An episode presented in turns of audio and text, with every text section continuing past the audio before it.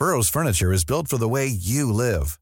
From ensuring easy assembly and disassembly to honoring highly requested new colors for their award-winning seating, they always have their customers in mind. Their modular seating is made out of durable materials to last and grow with you. And with Burrow, you always get fast, free shipping. Get up to 60% off during Burrow's Memorial Day sale at burrow.com slash ACAST. That's burrow.com slash ACAST. burrow.com slash ACAST. Hey, I'm Ryan Reynolds. At Mint Mobile, we like to do the opposite of what Big Wireless does. They charge you a lot, we charge you a little. So naturally, when they announced they'd be raising their prices due to inflation, we decided to deflate our prices due to not hating you. That's right. We're cutting the price of Mint Unlimited from $30 a month to just $15 a month. Give it a try at mintmobile.com slash switch. $45 upfront for three months plus taxes and fees. Promo rate for new customers for limited time. Unlimited more than 40 gigabytes per month. Slows. Full terms at mintmobile.com.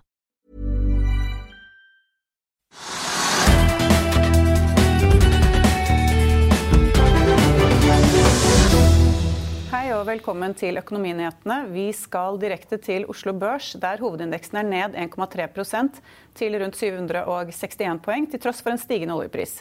Brentspot handles nå for rundt 30 dollar fatet, opp fra 29,4 dollar på det laveste i går. Og også de oljerelaterte aksjene på Oslo Børs faller. Equinor med rundt 0,6% og Aker BP med hele 4,4 Og Hvorfor går børsen og selskapene i motsatt retning av oljeprisen, Trygve? Nei, det vet jeg ikke. Nå er oljeprisen Vi snakket om det i studio i går. Nå er den, liksom, den ligger og vaker rundt 30 dollar per fat for brentoljen. og da Litt ned og litt opp. og når, Hvis den går litt opp, så er med en gang de fleste veldig positive og tenker at nå går det videre oppover. Så gjør ikke det, så går det tilbake, som du var inne på, under 30 dollar per fat igjen. Det er på 29. og så I dag vet jeg ikke helt svaret. Altså, jeg tror at uh, Aker BP er såpass mye ned som rundt 5% da. Det er i overkant. Det er nok da et, uttrykk for at markedet tenker at uh, det ser ikke ut som den oljeprisen klarer å løfte seg. Selv om man har snakket om å kutte tilbudssiden og få produksjonen ned av prisen opp, så får de det ikke til. Og så er det noen som tenker at Aker BP er liksom et mer oljeselskap, rent oljeselskap som skal betale utbytte og være oljeselskap, enn da Equinor, som er litt, litt mer norske statens selskap osv. Det tror jeg er litt sånn, Akkurat nå tror jeg, men det er ikke noe særlig god faglig belegg for, det, så tror jeg egentlig at det, folk begynner å bli litt mistenksomme til den oljeprisen, om den kommer til å øke. Og så ta, diskonterer man da det at det kanskje vil falle hvis det ikke skjer noe. Og det går det mest utover Aker BP. Men eh, en av de aksjene som har steget mest i dag, er jo Kongsberg Automotiv, som eh, hittil i år er ned 74% Og Det har vært en voldsom handel i selskapet den siste tiden. Har du fulgt eh, med på nei, utviklingen der? Nei, jeg har sett at det har falt veldig mye på årsbasis. Og så har det vært spekulasjoner da, om at man skulle ha en emisjon, og som trengte penger eller ikke trengte penger. Og når de sa de trengte penger, så gikk kursen ned. Da de sa de ikke trengte penger likevel, så gikk den opp osv. Så, det, det, så det, det, klarer jeg ikke å følge med på, faktisk. Men jeg ser jo da at den er opp 10-15 i dag, da, og da er folk kanskje positive. Men der, der er det en tradingvirksomhet som er ute og går, og den har da hele tiden vært bundet opp til kapitalbehov i selskapet. Og ja, så det, ja, det, det, det, faktisk ikke tør jeg si noe mer om enn det. Ja, nei, fordi de sa jo da I uh, begynnelsen av april så varslet de at de hadde et egenkapitalbehov på mellom 110 og 120 millioner euro. Det ble nedjustert til mellom 90 og 110 millioner. Så hadde de da forsøkt å hente inn penger på 0,1 kroner per aksje, og det ble mislykket. Men det handles jo da for rundt 1,6 kroner nå. Og dette er jo da den andre aksjen som på en måte driver på med emisjoner for tiden, hvor det handles for høyere enn emisjonskursen. Jeg tenker på Norwegian. Ja. Eh, som vi stadig stusser over. Ja, altså disse emisjonsgreiene er litt skumle. fordi at, eh, altså, Norwegian er et godt eksempel. De har jo da en sånn egenkapitalemisjon på mellom 300 og 400 millioner kroner til 1 krone per aksje. Og så trades aksjen nå til 5,5 kroner. Og det er liksom vanskelig å forstå. Og så kommer det også da meldinger om at eh, Norwegians ledelse da har tegnet seg for da rundt 1 million kroner. Det er et fillebeløp. Eh, men for å vise da, sannsynligvis viljen til å tro på selskapet, så er det tegnet da for 1 krone. Og så lurer andre folk på hvorfor får ikke vi tegne for 1 krone. Det var ikke en tegningsrett emisjon, så det var liksom en plassering mot av visse, visse investorer. Det er, det er, vanskelig å forstå. Men jeg, eh, det er litt komplisert. Men eh, akkurat Norwegian er et, også et eksempel på hvorfor det er som det er. Fordi at uh, selskapet Norwegian ble pålagt å ta inn mer egenkapital. Så fant de ok, da, for staten sa det måtte være det. Da var det 400 millioner? Ja, men Man konverterte gjeld til egenkapital. Og så sa også staten at ja, men skaff også egenkapital. Det må dere ha. Uh, og det er et ganske sånn tøft krav fra staten. Og så har da de tenkt da, hvordan skal vi skaffe egenkapitalen. Og så får de det ikke helt til. Og så får de da noen til å garantere, sannsynligvis. For jeg, jeg, jeg, er ikke helt sikker på hvordan det skjedde i Norwegian men normalt, da, ta, ta det som en case, så sier da en bank eller institusjon at vi kan garantere for den egenkapitalen at det blir tegnet 400 millioner. Men så vil de egentlig ikke ha det. Men de garanterer for det. ikke sant? Så blir de sittende med da emisjonen hvis ingen andre kjøper. Og For å få til at de ikke får det, så krever de da en lav kurs. For det er den lavere kursen er jo lettere å bli kvitt emisjonen, og da slipper de bankene eller disse andre finansinstitusjonene de slipper å bli sittende med den emisjonen. Det kan være det som er også litt tilfellet her. At, at, at bankene har sagt at ok, dere må skaffe den egenkapitalen, og så vi garanterer at det blir fulltegnet, og alle er glade, og staten er glad. uh, Og så har de da presset og presset prisen ned for å få den plassert. Men hva skjer? Altså, det er jo da torsdag i morgen, så skal de da eh, komme med meldingen om hvem som får aksjene, så vidt jeg forsto. Ja, ja. Men hva skjer da? Ja, da, nei, da, da, de, de nye, nye aksjene tegnet på én krone stykket, og de gamle for fem. Får vi se hva som skjer. Ja, hva skjer med kursen? Den går nok, går nok litt opp, Ja. vil jeg tro. At de som har fått den for én krone, har sannsynligvis fått en liten rabatt. Men jeg mener at, øh, at, at det ikke er verdt det. Jeg mener at det er verdien når du ser på alle de aksjene som har kommet inn i selskapet, og hvordan man priser Norwegian basert på den kursen som er, og at øh, de gamle Norwegian-aksjonærene skulle få 4-5 så, så er det ikke i nærheten av å være riktig prising. Så den burde ligge ned mot én krone, men kanskje tenderer opp mot de fem kronene. Men Hva tror du meldingen om eh, altså For EU sa jo i dag at de uh, mente man burde åpne grenser 15.6 mot land uh, man har på en måte tilsvarende koronautvikling som, for å få i gang uh, litt turisme Ja. i sommer. Altså Hellas, Italia, alle er avhengig av turistene. Men burde ikke det ha en positiv innvirkning på reiseaksjene, egentlig? Jo, det tror jeg absolutt det har. Men det er så, det er så elendig det tilstand som er, så man vet ikke hvordan man kommer ut av det. Men altså, alle de store operatørene, TUI, tyske, TUI, ja. TUI tyske, skulle jo liksom si opp eh, alt som var omtrent. Og de har, de har jo ingen som bestiller noen billetter i det hele tatt. Og Petter Stordalens Ving er det jo ingen som reiser med det heller. Men det, er for disse selskapene er det selvfølgelig, de er helt avhengig av at det blir reise over grensen, og det blir turisttrafikken tar seg opp, at folk reiser til Hellas, reiser til Spania, reiser andre steder. Så det vedtaket som kom om at eh, EU ville åpne opp for at man kunne reise mellom land som var på samme nivå når det gjelder smitte, det er bra. Og Det kom også en særmelding til Norge om at da, tyskerne skulle få lov å reise til Norge. Det er også veldig viktig at det er masse tyskere i norsk reiselivs, eh, altså på norske destinasjoner. Stor kundegruppe. Men det sto ikke noe om de tyskerne som eventuelt fikk lov å reise til, til, Norge, om de måtte ha karantene i Norge. Og hvis de må ha karantene, så er det ingen som kommer hit. Så det, det, meldingen kom i dag, og det kommer sikkert en større og mer presis beskjed på fredag. Men det er litt vanskelig. Men generelt sett så er det bra at man slipper opp i noen land. For i dag så er det jo ikke gjester på noen hoteller noen steder. Fordi Man kan ikke reise, og man kan ikke bo. og er, liksom helt, og, og, sånne, og, sånne pakker med, med fly og hotell og alt sånt, det er det ingen som kjøper. Så hvis reiselivsnæringen, som, som du sier er helt avgjørende for en del land nede i middelhavslandene Hvis det ikke blir noe orden på det, så, så går det jo konk. Så på, så på, de landene går konk. Men sånn som for eksempel, hvis du skal da til Hellas, så må du sitte to uker i karantene Ja, det går ikke, der nede de- de- de- og tilbake. Nei, men det Karantenespørsmålet må avklares før det. Jeg tipper Ja. at det ikke blir noe karantene. Når Den norske karantenen er jo senket fra to uker til ti dager. Eh, Så hvis det der skal virke, det som EU sier, det er eh, ja. Men det virker, som vi er veldig attraktive som gjester pga. situasjonen hos oss. Det, det, kan, det kan godt tenkes. Men det også, EU kom også med et annet veldig viktig grep i dag, som er, ikke så mange har fått med seg. Og det er sagt at, eh, at eh, hvis eh, et flyselskap eller reiseselskap har måttet kansellere en reise, og det er masse opphold som er kansellert, og så de som har betalt reisene, de krever jo pengene tilbake. Men det er ikke flyselskapene og reiseselskapene så veldig kine på å betale, for de trenger pengene i kassa, de har dårlig likviditet. Og da har EU sagt det at de som da mottar eh, hva heter det? Vouchers Vouchers. Hva heter sånn eh, Sånn, ja. ja, Hva heter det på norsk? Nei, det kommer jeg ikke på akkurat nå. En, en sånn altså en, en, en eh, kupong da, Ja, ja. da, på det beløpet man har reist for, og tar den kupongen og sitter med den et år så vil Ja, da de- tilgodelapp, da. til godelapp, en- ja, Mm. til gode, det høres fælt ut, til godelapp, men det er i hvert fall da, de som da tar annet enn penger, så har da EU sagt at da skal de finne et forsikringsselskap som kan garantere at de som da tar de voucherne, at de blir honorert med penger etterpå. Og da blir det lettere, da, lettere for selskapene som da skal arrangere reiser i Europa, å få opp turistnæringen igjen. Det er et godt tiltak. Men burde ikke sånne ting virke positivt inn for Norwegian? Jo, men altså, det, er så, det er så smått. Altså, Norwegian skal tross alt ha, ifølge egne utsagn, så skal de uh, operere med syv fly. Det er jo ingenting. Det er bare for å komme til Bergen, Stavanger og Tromsø. Det. Så det, da driver man en helt annen virksomhet med 70-80-90-100 fly og fly rundt i Europa igjen, som du gjorde før. Da har det betydning for Norwegian, men sånn som nå har det ingen betydning. Eh, Men um, i dag så har det også blitt lagt frem uh, en del tall. da. F.eks. Uh, Movi, som vi følger litt med på, hvor driftsresultatet er dårligere enn det det var i fjor. Fallende priser pga. korona. Det er vel ikke akkurat overraskende? Nei, altså, nei jeg har, vært, jeg har vært stor aksjonær der. så Det har selskapet fulgt ganske lenge. Da, da det het Marine Harvest. Men det som har skjedd, er jo det at Movi resultatet blir omtrent halvert. Det er ganske mye. Men de tjener penger, selvfølgelig. Men det som har skjedd, er at og det har vi snakket om del ganger her, at uh, norsk oppdrettsnæring er helt avhengig av fly for å få da varene ut i Europa, til Østen og Russland og hvor det måtte være. Og det har vært en kjempebusiness, en stor virksomhet på Gardermoen. Og så har man da pga. manglende fly og manglende tillatelser til å lande og manglende kjøpere, fordi at markedet da har falt bort på hotellsiden og på restaurantsiden og på cateringsiden. Så det er mindre etterspørsel på store områder. Og veldig problem med distribusjonen har gjort at interessen da det går dårligere for Movi og de andre selskapene. I tillegg, som det som var det helt nye nå, som jeg så nå, det var det at øh, lakseprisen har da falt fra 70-80 kroner til 50-55 kroner. Det er altså et dramatisk fall. Så det blir ikke noe stor øh, glede i oppdrettsnæringen før de får den prisen opp fra 50 kroner til 60-70 kroner igjen. Men Bakkafrost stiger jo, da. Så vidt. 0,5 ja.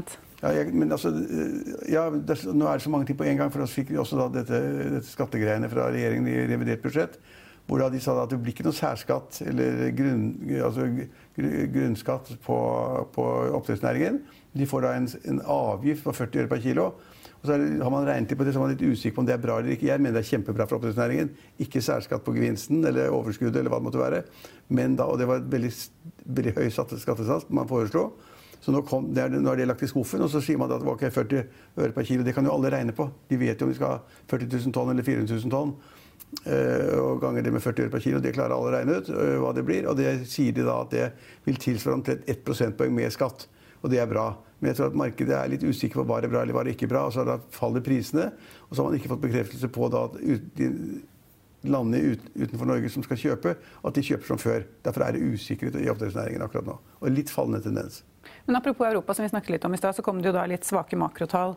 Eh, og det har også kommet svake makrotall fra USA i dag, men likevel så virker det ikke som markedet tar det så mye inn over seg. Er det fordi at man forventer at det skal gå svakere, og så må det på en måte et kjempenegativt tall til for at det skal krasje? Ja, nå har jeg ikke sett på tallene i USA, da, men det syns jeg er så komplisert at det, altså, ja, nei, Produktprisene var ned 1,3% dobbelt så mye ja, men. Men, altså fra de kom med tall for da, eh, antall eh, arbeidsløse i april, som da økte i april med over 20 millioner, så det er sånn sjokktall at det kan man ikke forestille seg.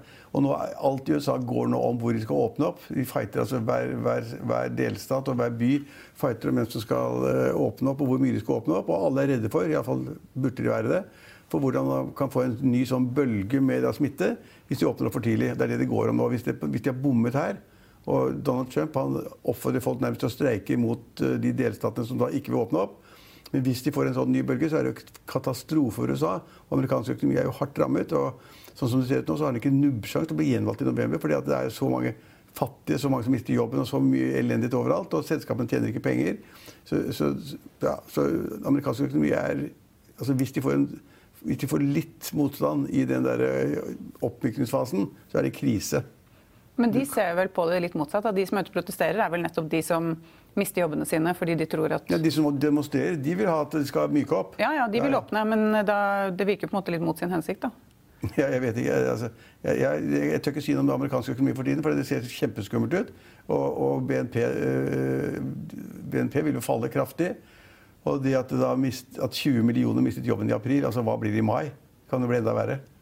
Så nei, det amerikanske økonomi det har jeg ikke noe peiling på. Og det er vanskelig nok med norsk. Vi har fått revidert budsjett, og, og, vi skal også øh, få et fall i BNP. Og så skal vi kanskje få en oppgang i 2021, hvis man skal, hvis man skal tro regjeringen. Men det er jo så utrolig mange, massevis av tusen av selskaper som nå ikke har likviditet, ikke har penger, ikke har kunder, ikke gjør noen ting. Enten de driver med treningsstudioer, hoteller, frisører og hva som helst. Og frisørene kan jo klippe igjen. Men, øh, men altså, det er så mange selskaper nå som har dårlig råd, og som søker staten om å få støtte. Og 10 000-20 000 selskaper har jo fått støtte. Den såkalte eh, kompensasjonsordningen, eller hva vi kaller det. Kontantstøtten. Og, ja, kontantstøtte, noen som kaller det så. Men norsk økonomi er altså kjempeille ute. Og, og, det pøses penger inn, og det er kjempebra. Men altså, hva resultatet blir for selskapene regnskapsmessig når man skal ha regnskapene for, for 2020, det er anybody's guess. Men sånn som da, um, Før i, i revidert eh, så kom det frem at de forventer et BNP-fall på rundt 4 i år. I år. Og Det samme gjør jo DNB og SSB. Eh, DNB, de er kanskje litt sånn 4-5 da. Og så skal de hente seg inn De regner med at eh, økonomien skal hente seg inn nesten like mye til neste år. Er ikke det veldig optimistisk? Jo, jeg tror ikke på det i det hele tatt. Jeg tror fallet blir større i år, og det blir vanskelig å komme tilbake til neste år.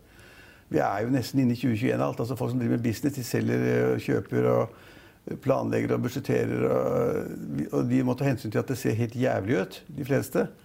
Og at resultatene blir dårligere. Så det er jeg, jeg, jeg, jeg, er ikke i nærheten av å være så optimistisk som det, det anslaget der. Ikke i nærheten. og da, Jeg tror regjeringen bommer ganske kraftig. Jeg tror ikke de gjør det med vilje. Jeg tror de bare har liksom sittet og regnet på det og så har de funnet at det ser ålreit ut. Men det er altfor optimistisk. Men sånn som f.eks. dette med permittering, eh, hvor mye staten skal betale. Det ble jo eh, foreslått å forlenge fra da var det der 26 uker til ut oktober. Kan ja, 52 uker, ja. ja kan det eh, redde litt av eh, forbruket vårt? Altså for Når folk da får ja, kuttet i inntektene inntekt, Alle så... har en inntekt. da. Altså, med, med permitteringsinstituttet i Norge så har jo alle en inntekt. Det er litt lavere enn vanlig, selvfølgelig, men de har en inntekt, og de kan betale sannsynligvis husleiene sine og, og, og vanlig, vanlig konsum. Så det hjelper litt, selvfølgelig. Og vi er jo heldige. Altså, jeg, jeg, vet ikke om noe annet land som har en så romslig permitteringsordning. Uh, og det må man også ha. Ikke, altså det, er vært, det, er mer enn 400 000 som er permittert. og Hadde vi ikke hatt det, så hadde det vært et ras av oppsigelser. Og da hadde liksom bedriftene måttet bare sparke folk ut av jobbene sine. Når de er permittert, så er det, liksom, det er litt sånn sjanse hvis de tar seg litt opp, salget øker litt, så kan de ta det inn igjen. Og det mener jeg er veldig bra. Og det er veldig bra for Norge. Så det er bra for konsumsiden, og det er bra for, er bra for alle. Men det er noen som ikke liker og syns det er for lett. og Bedriftene får det for lett. Men Altså hvis, har, hvis, staten sier at du ikke kan drive, da eh, La oss si treningsinstitutter eller frisørene. Men hvis staten sier du får ikke lov å drive, du har null inntekter, da må du si permittere alle sammen. Hvis vi ikke kunne permittere dem, så hadde du sagt dem opp. Og jeg er helt sikker på at det er lettere å ta tilbake en, en, med permisjon enn ved oppsigelse. Men det er også noen som hevder da at uh, siden selskapene tjener så mye, eller enkelte selskaper tjener så mye i gode tider fordi de tar så mye risiko, derfor så burde de også ta større del av regningen i dårlige tider? Jeg har sett noen akademikere og økonomer har sagt at det er rene sludder. Det er noe så tøysete har jeg ikke lest på lenge, faktisk. Altså, I utgangspunktet så er det greit slik at et, eh, et markedssystem hvor du da tar risiko og tjener mer penger i gode tider, og så blir det dårlige tider, så må du ta ansvaret for det og tape pengene dine. eller tape deler av pengene dine. Men her er det staten som har gått og sagt du får ikke lov å drive, du får ikke lov å ha etterspørsel. Og da er det ikke noe rart at staten da som må bidra litt til å rette opp uh, fiaskoen, fordi det da blir forbudt å drive. Altså Det syns jeg er så opplagt at det er to helt forskjellige ting. Så jeg mener at det, det, er en risiko man ikke kjente til. Man kunne ikke vite at staten skal si at fra i morgen får du ikke lov å klippe noen hår, og du kommer til å ha to måneder for å klippe noen. Og eh, fra i morgen får du ikke lov å trene, og treningsinstituttet får ikke lov å drive. og det, bestemmer vi. Altså, Det er jo noe helt annet. og Hotellene står, står tomme langs hele kysten og på Vestlandet overalt og venter på turister. Så kommer ingen fordi at staten har sagt at bare på visse vilkår kan det være oppe. Det er da ikke å stenge helt ned, men nesten ned. Og da sammenligner det da hvor folk som da går inn i en business og tar risiko og tjener penger, og så ta, man skal tape pengene sine i dårlige tider, det er jo bare tull. Men det er jo litt forskjell på om man har blitt pålagt av staten og om selskapet går dårlig, da? Jo, jo, men altså, hvis selskapene får deg til å drive og de ikke har kunder, så går det dårlig. Ja. Ja, da, og da går de konk. Jeg syns ikke det er slik at, at akademiker eller noen professorer på et eller annet BE eller hvor, det, de kom fra, kan da si at det, det skjønner vi ikke at staten kan, bør ikke være så romslig. fordi at folk har bedt om denne risikoen selv, og de har tjent masse penger i, i, gode år. Og nå er det dårlige år, og skal de ta, skal de ta tapene selv? Nei, de skal ikke ta tapene selv hvis staten pålegger deg å drive uten å ta kunder. Det er, jeg kan gjenta det for tredje gang. Det er noe tull. Men er det noe annet du har eh, eh, merket deg ved børsen i dag? Nei, jeg har ikke mye vi så Bonheur, altså Fru Olsens selskap. Mm. Olsens-familien har sine interesser. Både når det gjelder vindmøller og cruisefart og, og andre ting. Så kom de med tall som var bedre enn det kanskje har vært litt før. Så, men så tapte de kvart milliard på fire cruiseskip, som da ligger i opplag som alle andre cruiseskip. Uh, og så hadde de et par lyspunkter, så det var, det var, de tjente penger. Ja, For omsetningen steg uh, litt? Ja, et par hundre millioner eller ja, noe sånt. Det gikk fra minus til pluss. Så, ja. ja. så det, det, var greit regnskap, litt bedre enn ventet, faktisk. Ja, Aksjene er opp sånn rundt 5,3% ja. Men en ting som jeg har tenkt litt på, da. Uh, altså Eurokursen den er på, nå på sånn rundt 10,9 kroner. Ja, under 11 i hvert fall. Ja, under 11. Og da, 22. Eh, april så var den på 11,6, og 20. mars så var den på 12,7. Hvorfor mm. snakker vi aldri om euroen og kronen lenger? Det har jeg ikke svaret på. Eller for så vidt dollaren? Nei, nei jeg, Man snakker ikke så mye om det, for det har vært så veldig store endringer. da. Veldig store utslag. Altså liksom Kronen svekket seg ekstremt. ikke sant? Også fordi at oljeprisen var veldig svak, og så har oljeprisen blitt litt sterkere. Det pleier å være korrelert da med en høyere kronekurs. Det henger litt sammen. Altså, men så er svingene så store at ingen tør si noe om det. Ingen tør komme med noen prognoser engang. Det burde man ikke gjøre heller. Så det er kjempevanskelig, men nå er krona litt sterkere. Nå er den under 11 kroner. Er det bra eller dårlig for oss?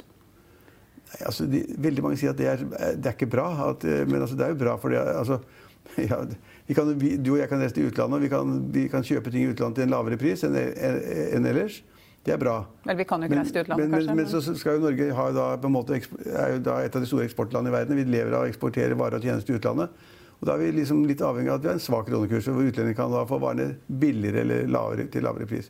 Så egentlig er jeg tilhenger av at uh, i sånne dårlige tider som det er nå, så burde kronekursen være litt svakere.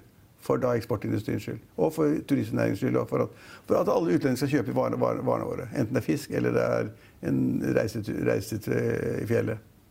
Og da var vi ferdige for i dag. Vi er tilbake i morgen klokken ti og klokken halv fire. Ha en fin ettermiddag. Vi ses.